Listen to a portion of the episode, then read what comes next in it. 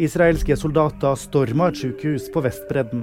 Utkledd som lege, pasient og ei muslimsk kvinne gikk de inn i Ibn Sina-sykehuset i Jenin i Palestina. Der ble tre palestinere drept. Det israelske forsvaret hevda til VG at de tre hadde tilknytning til Hamas, og at en av dem planla et angrep mot Israel.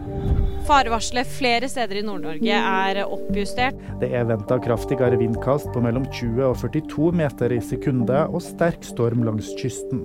På fjellovergangene er det venta snøfokk. Vinden vil gradvis minke onsdag. Peter Northug gjør comeback. Northug har meldt seg på 10 km friteknikk i Norgescupen. Det er over fem år siden han sist gikk et ordinært renn, og åtte år siden han tok siste verdenscupseier. Rennet blir sendt på VG. Og der får du også andre nyheter.